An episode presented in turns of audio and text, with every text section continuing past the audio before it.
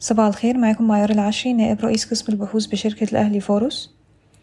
يمكن لمؤسسة التمويل الدولية تقديم 83 مليون دولار إلى كونسورتيوم إماراتي ياباني لتمويل جزئي لمزرعة الرياح المخطط لها بقدرة 500 ميجاوات في رأس غارب.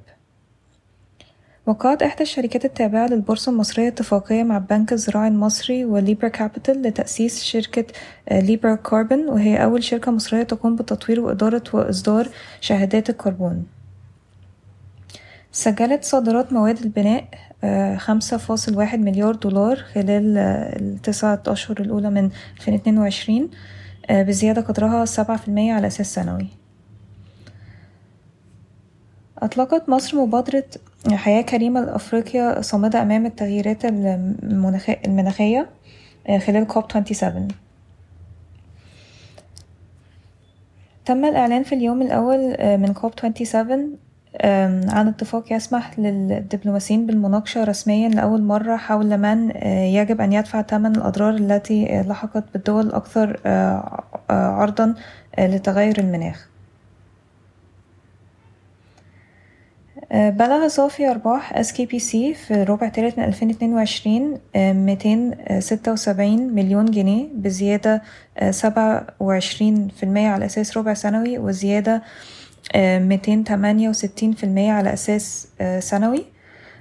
ليصل صافي ربح تسعة أشهر الأولى من 2022 إلى سبعمية أربعة وأربعين مليون جنيه بزيادة مية وتمانية في المية على أساس سنوي. تخطط السويدي لتقديم عطاءات في تحالف لمحطات تحلية المياه هذا الشهر. بلغ صافي ربح South Valley Cement في الربع الثالث من 2022 33 مليون جنيه مقابل خسائر سبعة وستين مليون جنيه في الربع الثالث من 2021 تقلصت خسائر التسعة أشهر الأولى من 2022 إلى أربعة وتمانين مليون جنيه مقابل خسائر قدرها مية تلاتة وأربعين مليون جنيه في التسعة أشهر الأولى من 2021 أنهت سيرا إصدارها للتدفقات المستقبلية بقيمة 800 مليون جنيه كجزء من برنامج سندات مورقة أكبر بقيمة 2 مليار جنيه. تم تأجيل موعد محكمة EGTS في قضية أرض السهل حشيش المرحلة الثالثة البالغة مساحتها عشرين مليون متر مربع إلى عشرة ديسمبر ألفين اتنين وعشرين.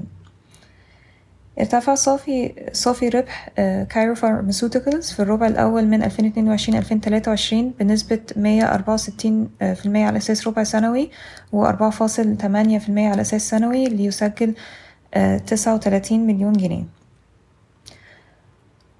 تتعاقد easyJet مع واحد وسبعين فندق في الغردقة وشرم الشيخ لجذب المزيد من السياح البريطانيين. شكرا ويوم سعيد.